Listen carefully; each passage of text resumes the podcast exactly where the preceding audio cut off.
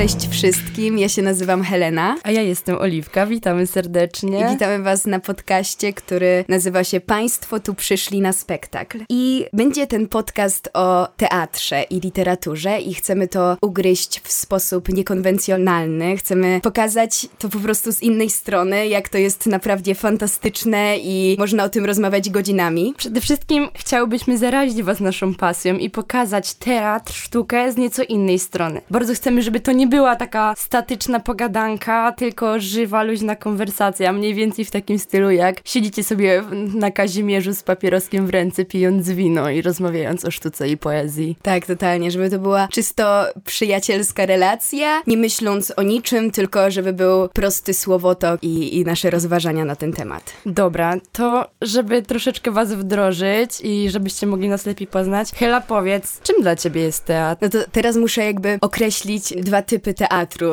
Ten jeden typ, gdy ja gram na scenie, a ten drugi typ, gdy ja oglądam spektakle. I gdy ja gram na scenie, no to może prostym słowem to określę, ale to jest po prostu dla mnie szczęście. Gdy mogę to robić i mogę przebywać z tą sztuką, to czuję się na maksa szczęśliwa i zapominam o tych wszystkich problemach i te emocje, y, jakie, jakie mi daje ta gra, no to jest coś niesamowitego, co nawet nie jestem w stanie sama opisać, bo, bo dzieje się coś dziwnego z moim ciałem i, i z moją duszą wewnętrzną po prostu. A spektakle, gdy chodzę na nie i doświadczam poprzez oglądanie, to myślę, że to jest po prostu nauka życiowa i coś, co mogę sobie interpretować na, na całe moje życie, na wszystkie aspekty mojego życia i czy jest to wielka, wielki dramat, który muszę przeżywać przez następny rok, czy śmieszna komedia, za którą nie przepadam, ale też czasami się zdarza, że na nie chodzę i, i daje mi to taki, taką iskierkę do życia, taki, taki nowy punkt widzenia na, na to wszystko, co jest wokół nas po prostu. I, i myślę, że, że teatr to jest coś niesamowitego, co każdy w mniejszym lub większym stopniu powinien doświadczać w swoim życiu. A ja mam do ciebie pytanie, czym dla ciebie jest właściwie literatura? Bo to jest dosyć obszerne e, stwierdzenie literatura, więc jak ty to odczuwasz? Jest bardzo obszerne i wydaje mi się, że nie da się je jednoznacznie na nie odpowiedzieć, ale dla mnie literatura jest mega ważnym elementem w ogóle mojego życia, mojej codzienności, ponieważ w literaturze znajduję swoje ideały. Ja żyję dla ideałów okay. i w literaturze je znajduję. Jakby z każdym wierszem, z każdą książką, którą otwieram, rodzą się jakieś pytania, refleksje i w ten sposób kształtuje to moją osobowość. Ja mm. mogę się nad tym zastanowić, e, mogę o tym porozmawiać, czy nawet leżąc, nie wiem, sama w łóżku, mm-hmm. pomyśleć nad, nad tym sensem tego wszystkiego. Ponadto niezwykle, literatura niezwykle, ale to niezwykle uwrażliwia na piękno otaczającego nas świata. I mam wrażenie, że właśnie powinniśmy dużo bardziej powinniśmy się skupiać na takich małych rzeczach, które nas otaczają, a literatura i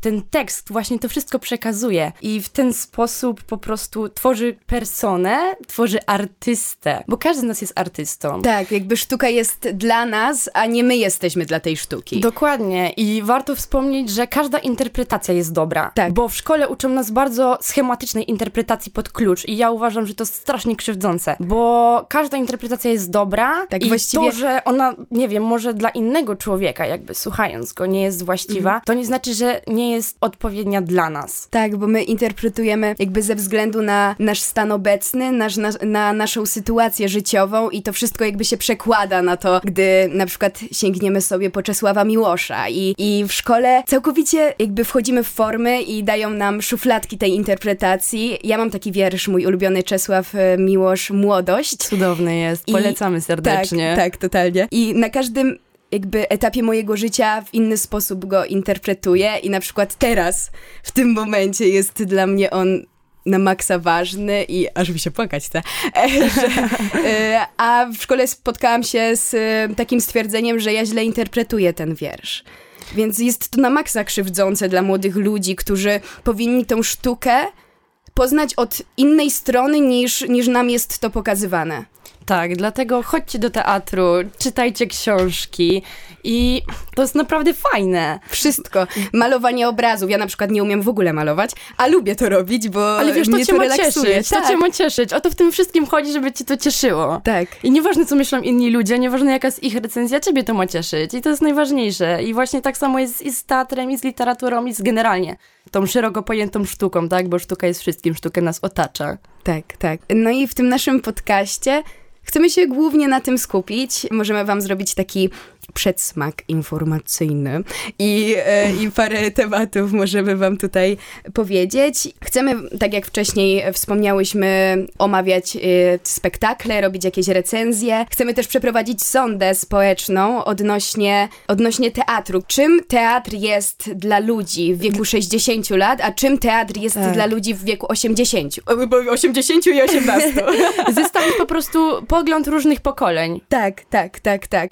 Myślę, że to będzie jeden z pierwszych odcinków, żeby przedstawić historię i całokształt teatru, jak on się zmieniał na przestrzeni lat i czy on był, czy go nie było, na jakich tematach się skupiali, bo w każdej innej epoce literackiej zwracano na inne aspekty uwagę i ten teatr dla ludzi miał po prostu inną formę i był abstrakcjonizm, irracjonalny teatr, więc to jest bardzo, bardzo ciekawe.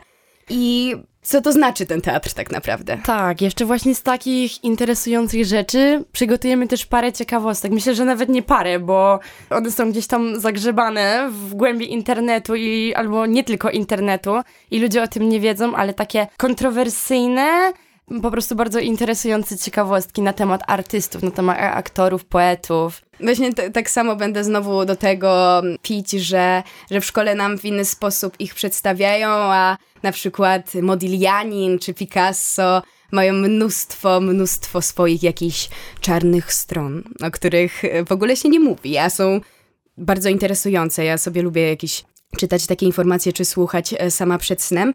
Chcemy też dotknąć system szkolnictwa artystycznego w Polsce, Akademię Teatralną, bo jest to dosyć e, specyficzna szkoła, która e, zmienia się na przestrzeni lat i miejmy nadzieję, że będzie się zmieniać jeszcze, jeszcze na lepsze i może zaprosimy na wywiady jakichś naszych znajomych, którzy przygotowują się do egzaminów teatralnych bądź studiują, czy, czy już grają na deskach profesjonalnego teatru i zakończyli swoją edukację teatralną. Chcemy zakończyć ten nasz dzisiejszy odcinek. Prowadziła Helena i Oliwia i do zobaczenia.